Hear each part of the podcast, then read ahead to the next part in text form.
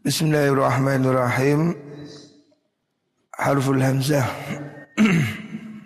Pengajian kitab Muhtarul Hadis Saya mulai lagi dari bab awal Karena pengajian kemarin Antara Pondok Putra dan Pondok Putri Batasnya tidak sama Jadi untuk Ramadan ini Kita Mulai dari Bab pertama Yaitu Huruf Hamzah. Bismillahirrahmanirrahim. Huruful Hamzah. Ati babal jannah. Yaumal qiyamati Fastaftihu. Ati Bakal teko sapa ingsun? Babal jannati ing lawangi suwarko Yaumal qiyamati ing dalam dino kiamat Fastaftihu mongko amrih buka sapa ingsun. Saya kata Rasulullah sallallahu alaihi wasallam besok pada waktu hari kiamat akan datang pertama kali ke surga. Artinya kelak ketika manusia ini dibangkitkan setelah hari kiamat semua akan antri masuk surga. Orang-orang yang beriman, ya. Ini dalam beberapa hadis diterangkan demikian. Bahkan disebutkan beberapa riwayat nanti manusia ini akan semua mencari pertolongan. Ada yang minta tolong Nabi Adam, minta tolong Nabi Ibrahim, minta tolong Nabi Musa, minta tolong Nabi Isa, semuanya tidak mampu menolong hingga akhirnya semua minta tolong pada Rasulullah Sallallahu Alaihi Wasallam. Lah ketika itu Rasulullah yang akan pertama kali masuk surga. Ati babal jannah. Saya akan datang ke pintu surga yaumal qiyamati pada hari kiamat. Fastaftihu Kemudian saya akan mengetuk pintu surga itu ya. Jadi hadis ini menerangkan tentang keistimewaan Nabi Muhammad Shallallahu Alaihi Wasallam. Jadi kita muhtarul hadis ini dimulai hadis pertama dengan hadis yang menerangkan tentang keistimewaan Rasulullah kelak di hari kiamat dan juga syafaat pertolongan yang akan diberikan Nabi kepada umatnya. Fastaftihu mongko amri buka sopo ingsun. Kemudian saya berusaha membuka pintunya, mengetuk pintu. Fayaqulu mongko ngucap sopo al khazinu malaikat kang joko lawangi swarga. Ketika Nabi nanti kelak di hari kiamat mengetuk pintu surga, maka akan ditanya oleh malaikat penjaga pintunya. Man anta? Man iku sopo anta utawi siro. Kamu siapa ngetuk pintu? Fa'akulu. Nabi menjawab, ucap ingsun, Muhammadun. Ay ana Muhammadun. Saya inilah Muhammad. Fayaqulu mongko dawu sapa khazin Bika umirtu alla aftaha li ahadin qablak. Bika kelan panjenengan umirtu den perintah sapa ingsun alla aftaha ing yen orang buka ingsun orang buka ing lawang swarga li ahadin maring wong suwiji qablaka kang sadurunge panjenengan. Jadi kita muhtar ini dimulai dengan hadis tentang keistimewaan Nabi Muhammad SAW dan juga keistimewaan umat Muhammad. Kita ini umat yang terakhir ya. Nabi Muhammad adalah nabi yang terakhir akan tetapi besok Nabi Muhammad dan umatnya yang akan pertama kali masuk ke surga. Rasulullah Shallallahu Alaihi Wasallam akan memberi syafaat ya. Dalam hadis lain diriwayatkan ana awwalun nasi yashfa'u fil jannah. Saya adalah orang yang pertama kali akan memberi pertolongan, memberi syafaat di surga. Wa ana aksarul anbiya itabaan. Saya yang akan menjadi nabi terbanyak pengikutnya. Jadi kalau di total dari sekian ribu nabi, bahkan ratusan ribu nabi, Nabi Muhammad SAW adalah nabi yang nanti paling banyak pengikutnya. Dan nanti Nabi Muhammad inilah yang akan memimpin semua umat untuk masuk surga ya. Itu hadis riwayat Imam Muslim ada awalun nasi yasfa'u fil jannah. Saya besok yang pertama kali memberi pertolongan di surga ya. Makanya kita semua berharap semoga semua dapat syafaat Rasulullah Sallallahu Alaihi Wasallam. Jadi hadis ini berkaitan dengan keunggulan, keistimewaan Nabi. Bahwa besok Nabi kita lah Nabi Muhammad Wasallam yang pertama kali akan masuk surga dan yang pertama kali bisa menolong orang supaya bisa masuk surga ya. Di situ disebutkan bika umir tu Allah aftaha li ahadin qablak ya.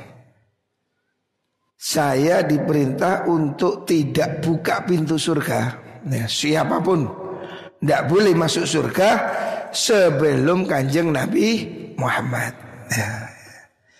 Makanya kita berharap Semoga kita termasuk barisan Rasulullah Wasallam. Hadis ini diriwayatkan Imam Ahmad dari sahabat Anas. Begitu juga diriwayatkan oleh Imam Muslim. Hadis yang kedua, Allah Rasulullah sallallahu alaihi wasallam ma'ruf ay if'alhu. Iti nekana sira kabeh nglakono sira kabeh al ma'rufa ing penggawe bagus. Hendaknya kamu lakukan perbuatan baik ya. Ma'ruf itu sesuatu yang secara syariat itu dianggap bagus, dipuji, dapat pahala ya. Bukan hanya menurut manusia. Karena ada juga yang menurut manusia baik, tetapi tidak baik menurut syariat. Nabi memerintahkan kita iktil ma'ruf wajtanib al-munkar Wastanib lan ngedono sira al mungkara ing penggawe mungkar. Jangan lakukan perbuatan yang diingkari, yang tidak disukai ya. Al ma'ruf itu ma'arafahu syar'u awil aqlu bil hasan. Yang disebut ma'ruf adalah sesuatu yang dikenal oleh syariat ataupun oleh akal dengan perbuatan baik. Ya itu ma'ruf. Wal mungkar ma angkarahu ahaduhuma. Yang disebut mungkar itu perkara yang diingkari oleh syariat ataupun oleh akal sehat ya, karena jelek ya sesuatu yang tidak bagus menurut syariah berzina minum homer mencuri ya atau men menurut akal sehat itu juga tidak bagus. Minum kan berbahaya ya. Hadis ini pada dasarnya ada sahabat ya, ada sahabat yang minta nasihat pada Nabi ya. Nabi berilah saya nasihat gitu. Kemudian Nabi menjawab i'til ma'ruf. Kalau kamu ingin hidup selamat, lakukan kebaikan, wajtanib al-munkar. Wanzur ma yu'jibu udhunaka ayyaqula lakal qaum idza qumta min indihim fatih. Ini penjelasannya. Wanzur lan ningalono sira ma ing perkara yu'jibu kang gawakaken apa mah udunaka ing kuping sira ayakula ing yen to ngucap laka maring sira sopal qaum qaum Ida kumta nalikane ngatek sira nalikane ngatek sira min indihim saking ngersane kaum fakti mongko nekanano sira ing ma kamu kata Nabi lihatlah sesuatu yang telingamu nanti akan senang mendengar. Kalau kamu pergi, orang akan menceritakan itu baik. Itulah. Lakukan sesuatu yang berkesan. Kamu menolong orang. Nanti kan orang itu akan cerita. Oh itu loh, Danis baik hati. Nah. Lakukan sesuatu yang nanti telingamu seneng kalau kamu nanti dengar orang membicarakanmu ya. Jadi lakukan sesuatu yang akan membuat kesan baik ya.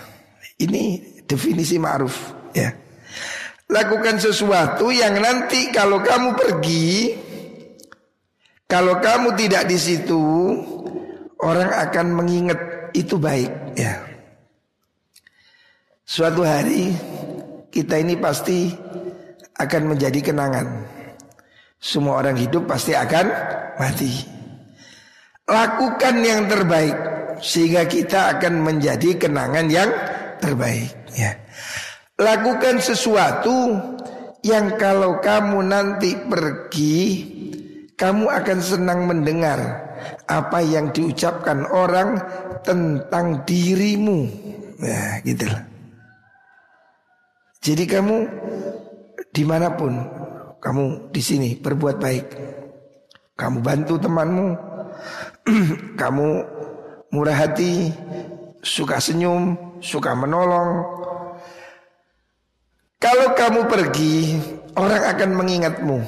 Oh, itu loh, waktu masih di sini dulu, si Huda itu, wah, rajin kamar bersih terus. Wah, orang akan mengenang telingamu suatu saat akan mendengar sesuatu yang kamu senang. Lakukan itu dalam hidupmu. Ya. Iktil ma'ruf itu definisinya demikian. Lakukan sesuatu yang kalau kamu nanti pergi orang lain akan mengenang orang lain akan membincangkan sesuatu yang kamu senang mendengar. Jadi kamu nanti akan dikenang orang, akan dibicarakan. Itu loh dulu waktu di pondok. Wah, kamar bersih, kamar mandi bersih. Dia itu loh suka ini ngasih temen, suka bantu. Nah, lakukan sesuatu yang nanti suatu saat kamu akan mendengar cerita baik orang lain tentang kamu. Nah, ini yang harus kamu lakukan. Baik selama kamu masih hidup ataupun nanti kamu setelah mati. Sehingga orang masih mengenang kamu sekarang di pondok. Suatu saat kamu boyong. Mungkin suatu saat anakmu mondok ke sini. Orang masih ingat ini anaknya siapa? Anaknya Farila. Oh, bapakmu dulu itu begini, begini. Wah. Lakukan sesuatu yang membuat kamu akan dikenang dan kamu akan senang mendengar. Wanzur sebaliknya wanzur alladzi takrahu ayyaqula lakal qaum idza kumta min indihim fastanibu. Wanzur lan ningalono sira alladzi ing perkara takrahu kang sengit sira. Hu ing ma ing alladzi ayyakula ing yen ngucap laka makiring sira sopal qaumu qaum idza kum tanalikane jumeneng sira min indhim sange ngersane kaum fajtanib hu mongko ngedono sira hu ing alladzi Jangan melakukan sesuatu Yang nanti kalau kamu pergi dari situ, kamu akan mendengar gunjingan orang yang kamu tidak suka. Ya, ini disebut dengan mungkar. Mungkar itu sesuatu yang nanti akan dibicarakan orang dan kamu tidak suka. Misalnya kamu di pondok suka gosok, nah, tahu gosok, ngambil barangnya teman. Terus kalau kamu pergi, orang menyukuri, alhamdulillah sekarang si bandot itu nggak ada. Dulu sandal saya hilang, dulu kupluk saya hilang, dulu baju saya hilang. Sejak dia pergi aman. Nah, ini kan kamu berarti dituduh mah maling. Jangan sampai kamu sudah pergi meninggalkan kesan jelek ya. Lihatlah sesuatu yang nanti akan membuat kamu disebut dengan buruk sehingga kamu tidak suka. Itu adalah mungkar, jauhi ya. Jadi ini simpel sekali ajaran hidup Rasulullah Shallallahu Alaihi Wasallam. Intinya tinggalkan kenangan terbaik. Ya. Suatu saat kita hidup ini pasti jadi kenangan. Semua orang hidup pasti akan mati. Ya. Jadilah kenangan terbaik. Ya. Lakukan yang terbaik agar kita menjadi kenangan yang terbaik. Jangan melakukan sesuatu yang nanti kalau kita sudah pergi orang akan mengenang kejelekan kita. Jangan nanti kita pergi istri kita malah senang. Ini naudzubillah. Rasulullah Shallallahu Alaihi Wasallam ketika meninggal istrinya Aisyah ditanya, bagaimana suamimu, wahai Aisyah? Aisyah tidak bisa menjawab. Dia hanya bisa menangis dan berkata, "Karena kullu amrihi ajab." Semuanya sangat mengagumkan. Jadi tidak bisa diterinci sudah. Ucapannya baik, pekerjaan baik, kelakuannya baik, senyumnya baik, semuanya mengagumkan. Sehingga istrinya hanya bisa mengagumkan. Nah, jangan sampai kita ini jahat sama istri jelek sama keluarga. Langsung kalau mati, wah istri bilang alhamdulillah buayanya sudah tewas. Jangan sampai kita ini kemudian dikenal jelek atau masih hidup kita sudah di didengarkan sebagai sesuatu yang jelek. Umpamanya kamu di pondok mencuri. Suatu saat orang akan mengingat kamu dari mana? Dari situ. Oh sebelah ini, iya. Kamu tahu anu? Iya. Itu dulu maling. Lah, kamu dengar pasti kerih kan? Duh, saya pernah nyuri satu kali. Seumur hidup orang masih mengingat kamu sebagai pencuri. Nah. Jangan sampai kamu meninggalkan kesenci walaupun kamu sudah jadi baik. Engkau sudah taubat, sudah baik. Tapi temanmu masih punya kesan jelek. Sehingga suatu saat ada orang ketemu masih dikatakan, loh kamu temannya siapa? Anu pak Ustadz Anu. Oh Ustadz itu dulunya jahat. Loh bagaimana? Ya. Jangan sampai kita itu pergi dikenang sebagai orang yang jelek. Sehingga kita nanti suatu saat akan mendengar sesuatu yang tidak kita sukai. Ya. Ruhul jamaah. Jadi ini hadis ini merupakan pesan Rasulullah Sallallahu Alaihi Wasallam kepada orang yang minta nasihat pada Nabi. Jadi ini ada orang datang Nabi berilah saya nasihat. Kemudian dia Nabi menjawab itil ma'ruf wajtanib al mungkar. Nasihat saya lakukan yang terbaik jauhi yang mungkar. Rawahul jamaah. Qala Rasulullah sallallahu alaihi wasallam afatul ilmi an-nisyan. Afat ya, bahaya. Afatul ilmi itu efek buruk daripada ilmu itu adalah anisyan, lupa. Ya. Lupa itu apa? Ya tidak ingat lagi ya. Jadi lupa ini ada dua. Jadi Imam Mawardi mengatakan anisyan nau'ani. Ada dua jenis eh, lupa itu. Yang pertama ahaduha yansha'u an fil quwwah al mutakhayyilah an hifdhi ma yaghfulu anhu Ada memang orang itu secara watak itu kekuatan memorinya terbatas. Coro handphone ini apanya? Memorinya rendah, apa namanya? RAM-nya. Sehingga lemot nginget memori ini lama. Ada orang yang memang UTE ini agak lemot gitu lah. Lah ini orang ini harus berusaha keras ya. Santri ini ada ada orang yang kadang memang ngajinya ini susah, nggak apal-apal ya, lupa, lupa gitu. Saya dulu punya teman di pondok itu ngafalkan alfiyah satu baris itu aja susah. Saya setiap sore saya lihat dia di masjid. Waduh, al-fa'ilul ladzi al-fa'ilu al-fa'ilu sampai merem-merem sampai sampai munting-munting al-fa'ilu. Enggak enggak iso-iso. Tapi istiqomah hafal walaupun ngafalkan satu Baris itu susah payah. Wal fa ngomong bilang al fa'ilul ladzi kamarfu'i ata zaidun munirun wajuhu nikmal fata.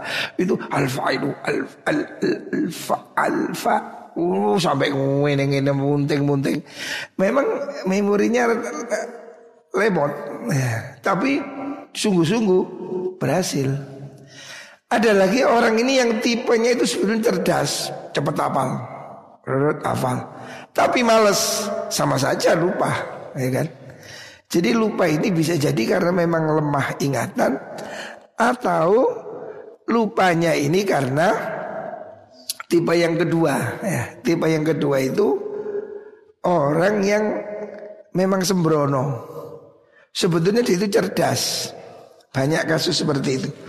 Orang ini sebetulnya cerdas tapi nggak mau rajin ngafalkan sebentar pergi ngafalkan satu kali seminggu nggak ngafalkan. Nah orang yang macam begini ini ya harus harus dibenahi cara belajarnya ya. Efek yang buruknya ini orang tahu itu jadi lupa. Nah supaya nggak lupa, kalau yang tipe pertama ya harus berjuang memang keras. Kalau yang tipe kedua ya hilangnya malasnya itu. Jadi ada orang yang tidak hafal itu karena lemah. Tapi ada yang sebetulnya kuat, tapi aras-arasan, malas ya.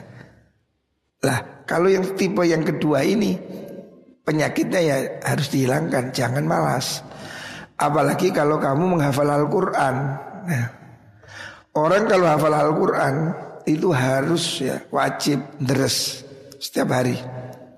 Anak saya hafal Quran setiap hari lima juz dia terus setiap hari. Jadi enam hari hatam. Karena walaupun kamu sudah hafal, tapi satu bulan nggak baca, kocar kacir. Gitu. Jadi apalagi yang kamu punya hafalan Al-Quran ya, santri-santri di rumah yang punya hafalan Al-Quran, jangan lupa untuk deres. Ya. Orang tuanya saya minta disemak. Kalaupun tidak bisa menambah, jangan sampai hilang. Itulah. Wa idha'atuhu an tuhadditsa bihi ghaira ahli. Wa idha'atuhu tainiya akan ilmu iku an tuhadditsa yen to cerita-cerita sira bihi kelawan ilmu ghaira ahlihi ing liyane ahli ilmu menyia-nyiakan ilmu adalah apabila kamu memberikannya pada orang yang nggak paham. Artinya orang mengajar ini harus harus diukur audiennya seperti apa gitu loh. Kalau orang ini memang nggak bisa nerima ya, orang ini belum nutut atau memang dia tidak mau, percuma kamu ajar. Sama dengan kamu menabur berlian kepada ayam, ya gak dicucuk berlian, walaupun harganya satu juta kamu tabur kepada ayam. Ya nggak dicucuk karena ayam tidak suka berlian. Ini nisbatnya kamu mengajari orang yang dia memang tidak ada minat. Atau dia tidak nutut pikirannya terlalu tinggi. Maka itu sia-sia gitu loh. Menjadi sia-sia kalau orangnya ini memang tidak suka ya atau memang orang ini menunjukkan sikap yang anti Ya percuma. Harus kamu rubah caranya. Umpamanya kamu dakwah ke lokalisasi Terus kamu dalil bahwa orang yang berzina masuk neraka. Ya dikepuk botol kamu. Ini mereka itu pezina semua. Kamu kok pidato begitu? Ya kamu harus cara yang lebih bagus. Bagaimana? Ya dakwah ini harus harus melihat medan gitu loh. Karena itu kata Al-Qur'an dakwah itu ada ada fasenya. Ud'u ila sabili rabbika bil hikmati wal mau'izatil hasanah wajadilhum billati ya ahsan. Nisbatnya bayi ini bayi. Jangan kamu paksa makan pentol. Mati dia. Oh ini pentol enak kok. Yakin enak. Ini pentol bakso Solo umpamanya. Bakso Solo enak. Iya bakso Solo enak. Tapi tidak untuk bayi. Jadi kalau kamu menghadapi bayi. Ya berilah dia asi. Gitu loh. Jangan kamu paksa. Ayo ini rawon nguling. Ya nggak bisa mencret ya. ya. ini loh sate. Hmm, sate kambing nggak bisa. Bukan satenya yang tidak enak, tapi orang yang kamu beri belum waktunya makan sate. Jadi dakwah yang tidak tepat, dakwah dengan dosis yang salah, itu sama dengan sia-sia. Ya. Jadi kamu harus ngomong dengan orang sesuai dengan kebutuhannya gitu Jangan kamu bicara sama orang daki-daki anak SD kelas 1 kamu ceritai, tahu nggak kamu? Bumi ini berputar. Bingung deh. Loh lah gendeng kok garu tuh. Enggak paham nih. Loh, saya kok gak pusing. Karena apa? Ini belum waktunya. Dakwah itu harus melihat medan. Kalau kamu menghadapi anak kecil, beri asi. Kalau sudah dua tahun, satu tahun, bubur. Lima tahun, ayam goreng. Nah, sepuluh tahun, kodot-kodot doyan. Nah, jangan kamu salah resep. Anak kecil dikasih pentol, lolotan. Arek gede dikasih asi, tahu ya. Mana ini orang sudah sudah 15 tahun suruh minum asi ya lembek. Makanya medan dakwah ini harus kamu kenali. Kalau kamu berbicara pada orang yang tidak tepat, maka sama saja dengan kamu mengalungkan berlian ke lehernya babi. Untuk apa? Gitu loh. Atau kamu menabur intan ke kandang ayam. Tidak ada gunanya ya. Kata Iskandal Dzulkarnain yang diceritakan dalam surat Kahfi itu. Malam balagha matli asyamsi itu dia ditanya bagaimana menghadapi manusia. Dia mengatakan, Muhadatsatuka man la yaqilu kalamaka bimanzilati man yadha'ul mawaidah li ahlil kubur. Kalau kamu bicara kepada orang yang tidak memahami ucapanmu, itu sama saja dengan kamu menaruh makanan di kuburan. orang mati kamu kirimi gule. kamu kok kirim tumpeng ke kuburan untuk apa? Mereka tidak makan gitu loh. Wa kaman yatbahul hadid yaltamisu udmah. Kamu ngomong pada orang yang tidak sesuai. Itu seperti kamu masak besi. Besi digoreng. Besi dibuat soto. Walaupun kamu goreng Sampai wajahnya jebol. Wong besi kamu godok ya Walaupun habis LPG 500 truk ya nggak kena dimakan ya. Percuma. Jangan berbicara pada orang yang tidak mengerti ya. Berdakwah itu harus dosisnya tepat ya. Jadi guru dan murid itu seperti ibu dan anak. Ibu itu tahu dosisnya. Oh anak ini bubur, ini soto, ini sambel. Nah, walaupun anak kecil nangis minta rujak pedes, ibu yang sayang pasti nggak diberi. Karena apa? Oh mati dia nanti. Nah, dosisnya tidak tepat gitu loh. Lukman Hakim mengatakan naklus suhur min mawadhiha aisaru min ifhami man la, man la yafham. Memindahkan batu dari gunung ini lebih mudah daripada memahamkan orang yang nggak mau ngerti. Ya. Orang kalau sudah nggak mau ngerti, kita ceritai dua lili pancet susah ya, itulah. Makanya kalam hikmah, ucapan yang bermutu itu harus diberikan pada orang yang tepat. Nah, jangan kamu menceritakan tentang ilmu yang tinggi tentang makrifat pada orang bodoh, kamu akan ditertawakan gitu loh ya. Latu hadis bil hikmah indas sufaha fayukadzibu. Jangan kamu ngomong tentang ilmu hikmah pada orang goblok. Ya kamu akan ditentang. Ya, mereka percaya dia.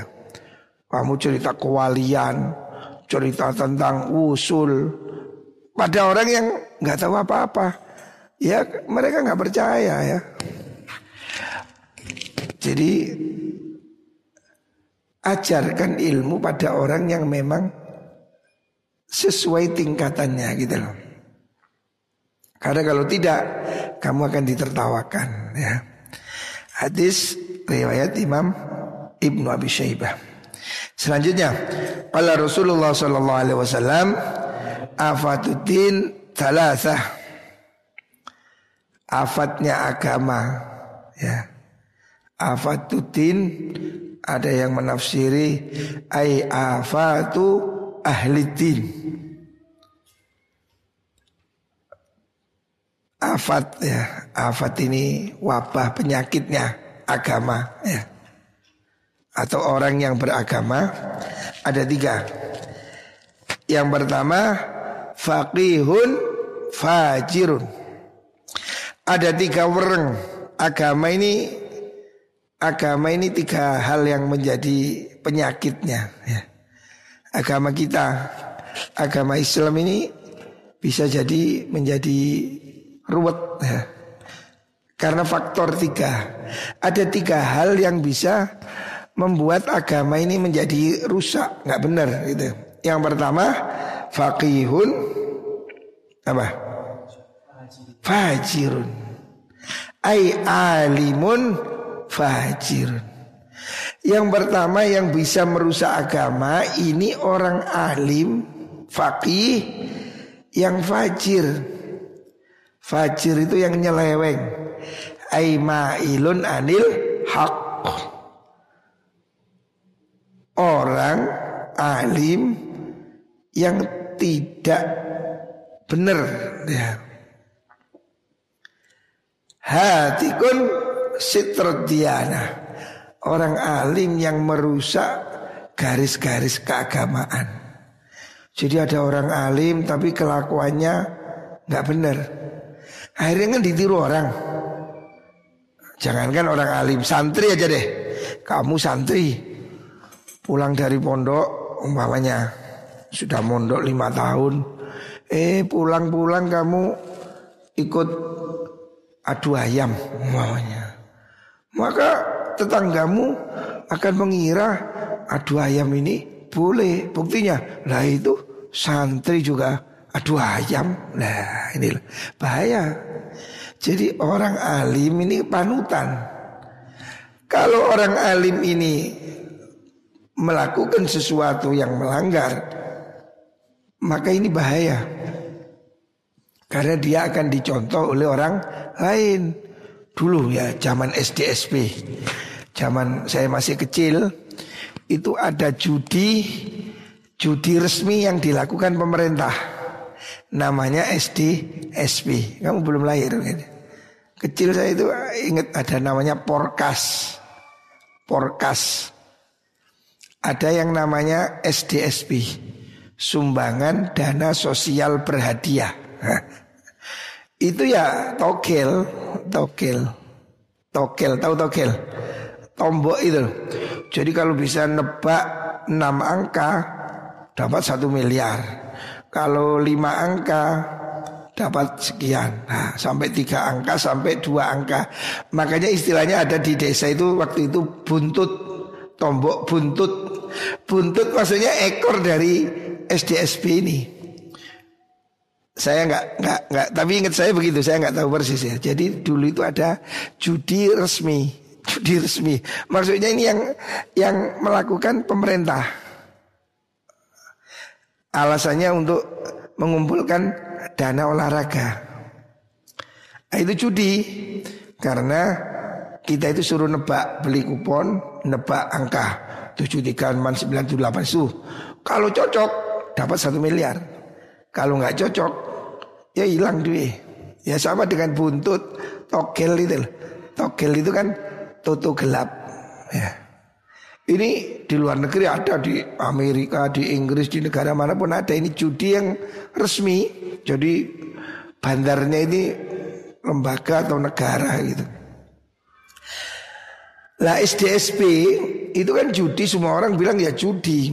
Ada satu orang, satu kiai, profesor yang mengatakan SDSP ini halal. Nah, ya tambah lari, semua ada profesor yang boleh kena. Nah ini, dia ini MUI waktu itu. Profesor disebut kiai menghalalkan SDSP. Padahal polisi aja tahu kalau itu judi. Wong nebak itu apa? Adu untung kan? Dia berargumen, argumennya bagus wong dia profesor. Argumennya bahwa ini bukan judi Karena apa? Judi itu berhadapan nah, Dia berargumen dalam Al-Quran itu Innamal khamru wal maisur wal Innamal khamru wal maisur Rizun min amali syaitan Fastanibu Ayat lain mengatakan uh, Menyebabkan Al-baghdha wal adawah Dia mengatakan judi itu menimbulkan permusuhan Karena yang kalah ngamuk kalau berhadapan. Lah kalau bandarnya ini pemerintah kan nggak bisa diamu. Makanya boleh. Jadi dia mengatakan judi ini SDP boleh karena apa? Judi yang dilarang dalam Islam itu judi yang berhadapan-hadapan. Sehingga antara dua orang taruhan. Liverpool lawan Juventus. Ayo satu juta lawan satu juta. Liverpool menang, saya dapat dua juta. Juve menang, kamu dapat 2 juta. Nah, ini judi karena berhadapan kata dia. Dan ini bisa musuhan, bisa tengkar, maka haram. Tapi kalau SDSP ini legal, pemerintah yang adakan, yang tombok orang se Indonesia. Jadi yang kalah orang se Indonesia nggak bisa ngamuk. Kalah semua, yang menang cuma satu. Maka dia berfatwa SDSP halal. Wah ini menjadi dalil ya orang jadi rajin kupluan pulang dari masjid beli SDSP. Karena apa? Ah itu Pak Profesor Anu bilang SDSP halal. Pak Kiai Anu bilang SDSP bukan judi. Padahal lah apa bedanya untung-untungan. Dia bilang judi itu bukan untung-untungan. Kalau untung-untungan berarti orang dagang juga judi. Kan kadang untung kadang rugi. Wah, maka definisi judi bukan untung-untungan katanya. Wah, orang pinter ini, profesor. Mengeluarkan fatwa SDSP halal. Lah ini kan bahaya, ini contoh. Akhirnya orang jadi judi. Karena apa? Ada kiai yang bolehkan. Nah, inilah bahayanya agama ya. Jadi fujur itu artinya uh, al-fusuq wal isyan ya. Lian al-fajir fatihu lahu tariqul ma'siyah. Fujur karena dia menjadi membuka pintu maksiat itu ya. Jadi faj, in, seperti dalam Al-Qur'an wa fajjarna khilalahuma nahara. Jadi fujur itu memecah. Jadi larangan dibedah. Wah, judi haram dibilang halal. Nah ini fujur ya. Orang alim yang nyeleweng. Ini berbahaya ya. Ini afat penyakit penyakit agama yang nomor satu. Yang kedua wa imamun jairun. Bahaya yang kedua itu adalah pemimpin yang jair, yang zolim. Ya. Ini juga bahaya. Pemimpin yang zolim ini bahaya. Kenapa? Karena dia ini kan menjadi panutan ya. ya. Pemimpin ini kan mengangkat pejabat, menetapkan undang-undang ya. Lah kalau keputusannya ini salah, zolim, bahaya sekali ya. Efeknya pada orang sak negara, bukan hanya satu orang ya. Makanya ini penyakit ini juga bahaya pada agama. Ya. Hari ini kalau pemerintah mengatakan semua masjid wajib ditutup, praiwis nggak bisa ya mau tuh pemerintah yang mengatakan gimana? Ya? Nah, ya masih ada yang karena kita kan belum dilarang total. Masih ada yang boleh ada yang nggak boleh. Tapi seandainya itu pemerintah itu seperti yang terjadi di Cina ya pemerintah yang zalim. Masjid ditutup ya tutup benar. Masjid tangkap. Nah, pemimpin yang zalim berbahaya sekali ya kayak pemimpin komunis itu yang dulu terjadi di Vietnam di Cina kan di Khmer Merah nah, Oh itu dia menghalalkan komunis menghalalkan segala cara bunuh orang jutaan orang pun tidak masalah bagi dia. Ya. Lah ini kan bahaya sekali ya. Pemimpin yang zalim ya.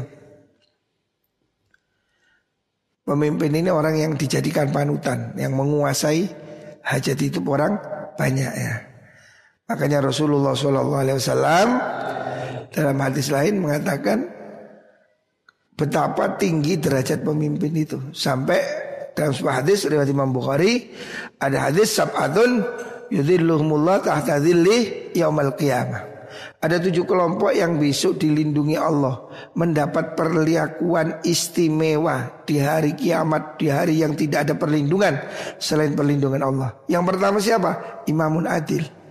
Pemimpin yang adil Besok dapat fasilitas VIP di surga. Ya. Karena apa?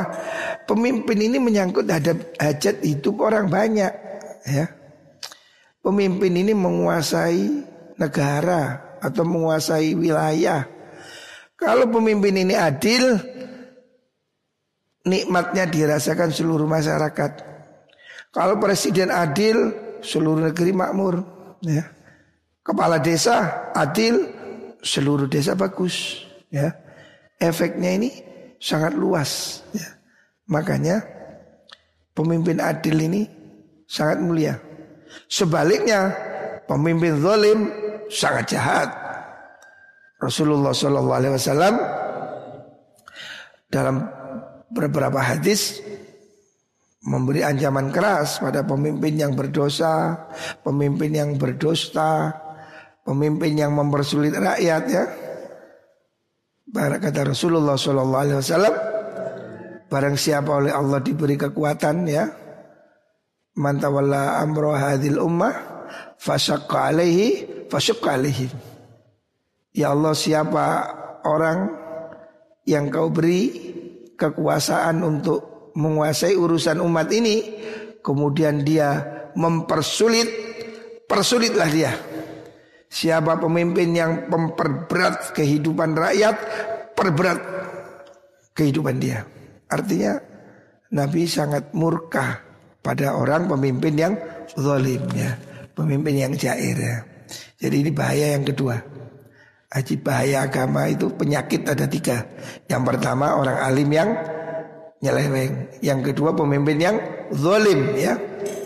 Yang ketiga wa mujtahidun jahilun. Bahaya penyakit yang ketiga itu mustahid. Maksudnya mustahid ini bukan berarti ahli istihad. Mustahidun ay abidun ya. Yang dimaksud mustahidun itu ay abidun mujidun bil ibadah. Mujtahidun di sini adalah orang yang rajin ibadah ya. Dari kata istihad, istihada ya. Orang yang sungguh-sungguh. Artinya bukan mujtahid mazhab. Yang dimaksud hadis ini orang yang rajin ibadah ya. Abid mujidun yang sungguh-sungguh fil ibadah tetapi jahilun bodoh orang ahli ibadah tapi bodoh bodoh apa jahilun bi ahkamid tin orang ahli ibadah tapi bodoh tidak ngerti hukum agama nah ini loh ini namanya jahil ya Jahil itu artinya melakukan sesuatu tapi dia tidak tahu. Tidak tahu hukumnya yang benar bagaimana gitu loh. Dia sholat, rajin. Tapi dia tidak tahu fardunya wudhu. Tidak tahu mubtilatus sholat. Ya. Jadi dia rajin sholat tapi nggak ngerti apa-apa. Lah ini rusak kan. Seperti yang ada kasus di Jakarta. Di Jakarta ini ada orang bodoh, susah. Ya, orang stres, sumpah. Terus tirakat di kuburan. Tirakat di kuburan, wiritan, ini, itu, ini, itu. Karena dia bodoh. Akhirnya didatangi setan atau jin. Yang mengaku sebagai malaikat. Maka orang ini kemudian karena goblok merasa dirinya Nabi sudah didatangi malaikat Jibril loh. Lah, ini loh. Dia ibadah, tirakat, riyadhah, tapi tidak ada ilmu. Wah, ini bahaya ya. Orang ahli ibadah tapi bodoh, ini bahaya. Gusti Allah itu tidak bisa disembah dengan bodoh. Orang beribadah itu harus memakai il, ilmu. Wa kullu man ilmin ya'malu a'maluhu mardudatun la tuqbalu. Siapa orang tanpa ilmu beramal, amalnya tidak diterima. Dia sholat, tapi tidak tahu caranya wudhu. Bagaimana? Ya. Jadi orang ahli ibadah harus ada ilmunya. Ya. Kalau enggak, dia bisa kesasar. Ini ada orang di Jakarta yang kasus sampai ditangkap itu perempuan namanya namanya Lia Eden. Nah, dia itu ngaku sebagai pacarnya malaikat Jibril. Lah, malaikat Jibril kok punya pacar? Ya apa? Ya? Oh ditangkap polisi. Masa pacarnya malaikat ditangkap polisi? Nah, ke mana pacarnya itu? Hah? Ini kan orang goblok bin gendeng ini. Ini contoh orang ibadah tapi bodoh. Akhirnya dia malah ngerusak. Ngaku dapat wahyu, ngaku bisa melihat Gusti Allah, ngaku diberi wahyu untuk melebur semua agama. Nah, ini orang bodoh, ya. Tapi kalau orang punya ilmu, seperti ceritanya dalam kitab Manaqib, cerita Syekh Qadir Jailani. Syekh Qadir Jailani dalam Manaqib kan waktu dia riyadhah, ibadah, nyepi, khalwah didatangi iblis. Iblis memuji Syekh Qadir. Hebat. Ya Abdul Qadir. Qad abahtu lakal muharramat. Abdul Qadir. Kamu tirakatnya lulus. Sekarang semua yang haram saya perbolehkan. Wah. Ini setan ngaku sebagai Gusti Allah. Lah kalau orang goblok ya alhamdulillah sekarang boleh minum, boleh zina, boleh nyolong kan gitu. Gusti Allah sudah mengizinkan. Nah, kalau si Abdul Qadir punya ilmu, ya nggak mau dibantah sama si Abdul Qadir. Ikhsa ya lain, diam, wahai setan. Oh. Si Abdul Qadir tahu, nggak mungkin Gusti Allah menghalalkan barang yang haram. Maka ketika iblis bisikan gaib langsung ditolak. Iksa ya lain, diam cocokmu, wahai setan. Oh, enggak terus wah enak rek, enggak begitu goblok ya. Ibadah yang goblok ini bahaya. Disebutkan dalam kitab apa?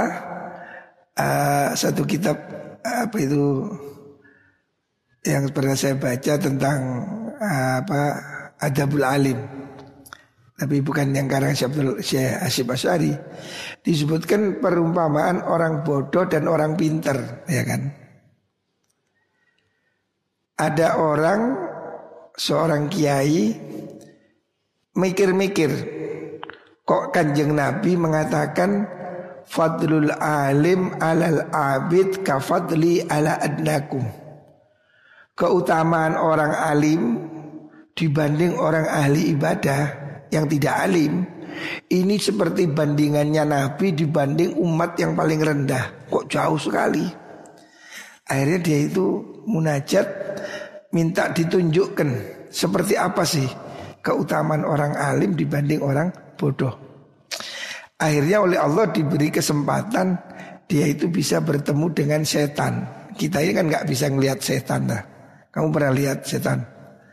Ini ada orang alim, wali, oleh Allah diberitahu bisa kenal setan. Akhirnya kenalan, dia setan. Halo, nah, kenal dia kelihatan. Terus setannya ditanyai. Setan, ya saya kepingin tanya.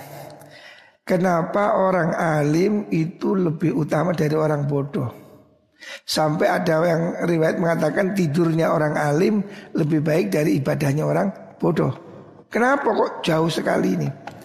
Akhirnya setan itu ngasih contoh. Ayo coba kamu ikuti saya. Ya. Coba datangi rumah orang alim. Nah, orang alim sedang santai, sedang ngopi-ngopi. Nah, leye-leye ya. Diketuk rumahnya sama setan. Dok, dok, dok. Dijawab dari dalam. Siapa? Hmm. Setannya kasih suara. Saya malaikat Jibril. Orang alim gak mikir langsung kamu setan. langsung dijawab kamu setan. Langsung gitu. Kenapa? Dia tahu tidak mungkin lah malaikat ketok-ketok pintu. Emang hansip apa?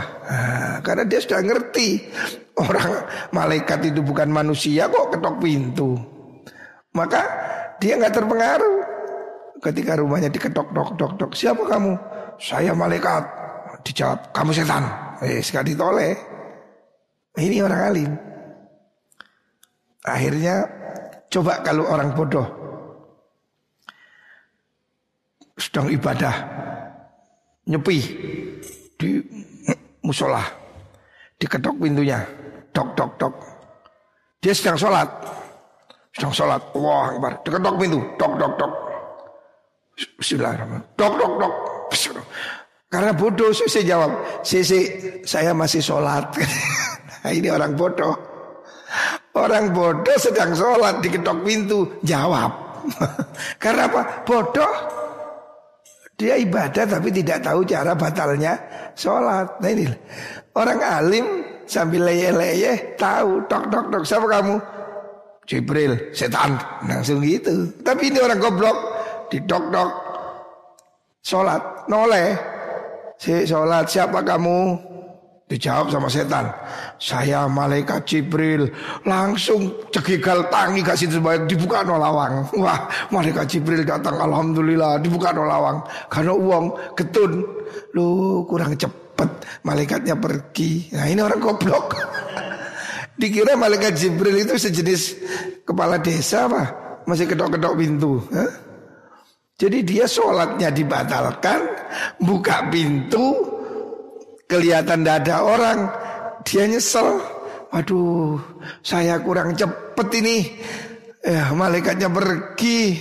Nah, karena goblok. Dia tidak tahu bahwa kalau malaikat itu tidak perlu ngetuk pintu. Nah, ini bedanya orang alim dengan orang bodoh. Orang alim tak perlu berpikir sudah tahu setan. Nah, orang goblok nyesel Aduh, malaikat Jibril pergi. Ya, ini bodoh. Tes yang kedua. Datang orang alim, ditanya. Dia nyerupai manusia. Wahai orang alim, ya. Gusti Allah itu kasih contoh di Al-Quran. Hatta yalijal jamalufi sambil khiyat. Mungkin enggak Gusti Allah masukkan onta ke lubang jarum Wah, bisa nggak? Bisa nggak Gusti Allah masukkan onta ke lubang jarum? Ayo, coba gimana? Orang alim karena punya ilmu, yakin, jawab gak mikir, bisa. Lah kok bisa? Ya Gusti Allah ya bisa. Mungkin ontanya dikecilkan, lubangnya dibesarkan. Nah, Gusti Allah ya pasti bisa. Kalau saya tidak bisa. Onta masuk ke lubang jarum Ya nggak bisa Kalau saya Kalau Allah bisa apa enggak? Bisa Ya apa? Gusti Allah kok Ya kan Jarumnya digede no Untungnya dicilik no Ya bisa Gusti Allah Tidak ada yang nggak bisa nah, Imannya kuat Lah yang ahli ibadah Goblok Didok-dok Datangi Eh pak Pak Kiai, wah goblok iki akeh sing ketipu. Rumangsane Kiai karena ahli ibadah. Bisa enggak Gusti Allah masukkan onta ke lubang jarum? Bingung deh. Ah. Ya, enggak bisa ya. Onta kan besar. Lubang jarum kecil. Enggak bisa. Gusti Allah enggak bisa. Enggak bisa, walau Gusti Allah ya enggak bisa. Lah ini yang goblok. Gusti Allah dianggap sama dengan kita. Karena apa? Dia nggak ngerti. Kalau Gusti Allah bisa, kalau kita pasti tidak bisa. Lah ini loh, bedanya orang alim dan orang bodoh. Makanya orang bodoh itu walaupun ibadah ini bahaya. Karena apa? Biasanya orang bodoh ini kan kemudian mohon maaf dianggap sesepuh ahli ibadah. Banyak kan ya kadang kita ini di Indonesia ini bingung bedakan kiai dengan dukun ini bingung. Kok bisa kabeh dukun ngaku kiai? Sorbane kuat deh. Kiai anu ahli pelet, ahli anu pesugihan. Eh, itu bukan kiai itu dukun gitu. Lah masyarakat kita ini sering tertipu. Ada orang punya kesaktian wis dianggap kiai. Wah itu kiai sakti. Padahal di Amerika pun banyak itu orang yang sakti-sakti yang bisa nyulap kayak siapa? Apa yang tukang sulap yang hebat di Amerika itu anak muda itu kan ada yang hebat itu di YouTube itu kan ada itu anak bisa tembus tembok. Wah, pada sini tembok dia lompat ke belakang tembus di sana. Oh, yuk coba uangnya pakai sorban, uh wali ya. Tapi nyatanya itu kalau di Indonesia uh, David Corbuzier kan bisa itu. Mobil berjalan dia langsung lompat tanpa buka pintu bisa masuk ke dalam. Oh, coba itu pakai surban. Gus. itulah itulah. Banyak orang yang nggak bisa bedakan antara sulap, sihir dan karomah. Nah, kadang-kadang orang yang ahli wirid, ahli ibadah ini ya tapi bodoh. Ini punya kesaktian-kesaktian itu tadi. Dulu ada di Lumajang orang ini tidak sholat, tapi sakti. Ya dipanggil kiai. Dia itu kalau pegang daun di depan orang ambil daun, dikucak-kucak jadi duit. Alah ya Allah, sakti. Ada teman saya yang lihat lihat sendiri. Telur ambil telur ya kamu bawa telur. Diketok ke meja, tok dibatai itu duit. ya apa ini? Ini kan sulap ini. Tapi karena itu dianggap kiai, nggak sholat tapi. Saya bilang bukan wali tidak ada begitu. Yang namanya wali itu adalah kekasih kekasih Allah tidak ada yang melebihi Rasulullah Sallallahu Alaihi Wasallam. Tidak ada lah. Ada di Probolinggo orang telanjang. Katanya dipanggil wali, wali bengkang, wali telanjang. Masa ada wali telanjang? Mungkin Nabi aja nggak telanjang. Gitu. Ini loh, bahaya ini. Orang bodoh ibadah. Ini kan kemudian dituakan dianggap orang ahli ibadah kan, tapi goblok lah ini bahaya. Akhirnya apa? Dia nanti menjadi rujukan memberi hukum atau mengajarkan orang yang kemudian tidak benar. Ada satu aliran di Sumatera mengajarkan torekot, mengajarkan puasa itu mesti sebelum pemerintah dan berakhir setelahnya pemerintah. Bayangkan. Kan kacau itu. Jadi kalau seandainya pemerintah memutuskan hari raya hari Rebu, dia puasa hari Senin. Nggak tahu dalilnya yang nggak ada. Pokoknya kata kiai. Loh coba. Hari raya juga begitu. Kalau pemerintah hari raya keputusan hari Minggu, dia buat hari raya hari Rebu. Tidak ada dalilnya, ya tetap tapi dia meyakini itu karena kiainya. Loh ini kan bahaya. Kiainya mungkin ahli ibadah, tapi tidak ada ilmu. Nah ini, ini bahayanya ya. Jadi penyakit agama ini tiga hal ini. Orang alim yang apa? Orang alim yang nyeleweng. Yang kedua, pemimpin yang dolim. Yang ketiga, ahli ibadah yang jahil ya, yang bodoh. Ini bahaya. Karena apa? Dengan dia ahli ibadah tapi bodoh. Ini nanti akan jadi panutan juga. Akhirnya dia aneh-aneh, ngaku wali, ngaku dadi nabi, ngaku apa lagi lah. Dulu di sini di Turen ada orang juga begitu dukun ahli tirakat ngaku bahwa istrinya, istrinya yang di rumah itu loh. Istrinya ini adalah bintu Muhammadin Shallallahu Alaihi Wasallam. Nah, bagaimana? Dia bilang istri saya ini anaknya kanjeng Nabi. Lah ya apa no? Yang stres ini, oh istrinya ya. lahir di kampungnya, oh, dia bilang ini istri saya ini adalah anaknya kanjeng Nabi. Terus dia itu ngaku ketemu Gusti Allah, ketemu malaikat Jibril, bahkan direkam, ada rekamannya sidang hari ini dipimpin oleh Gusti Allah, disaksikan malaikat Jibril, ada rekamannya. Yang gendeng ya. Tapi sakti. Dukun sakti. Tamunya dari mana-mana. Wah, calon bupati, calon wali kota dari Semarang, dari mana-mana datang ke situ. Dianggap kiai, tapi nggak ada ilmunya. Ya akhirnya ngawur ini bahaya ya. Jadi kita harus hati-hati.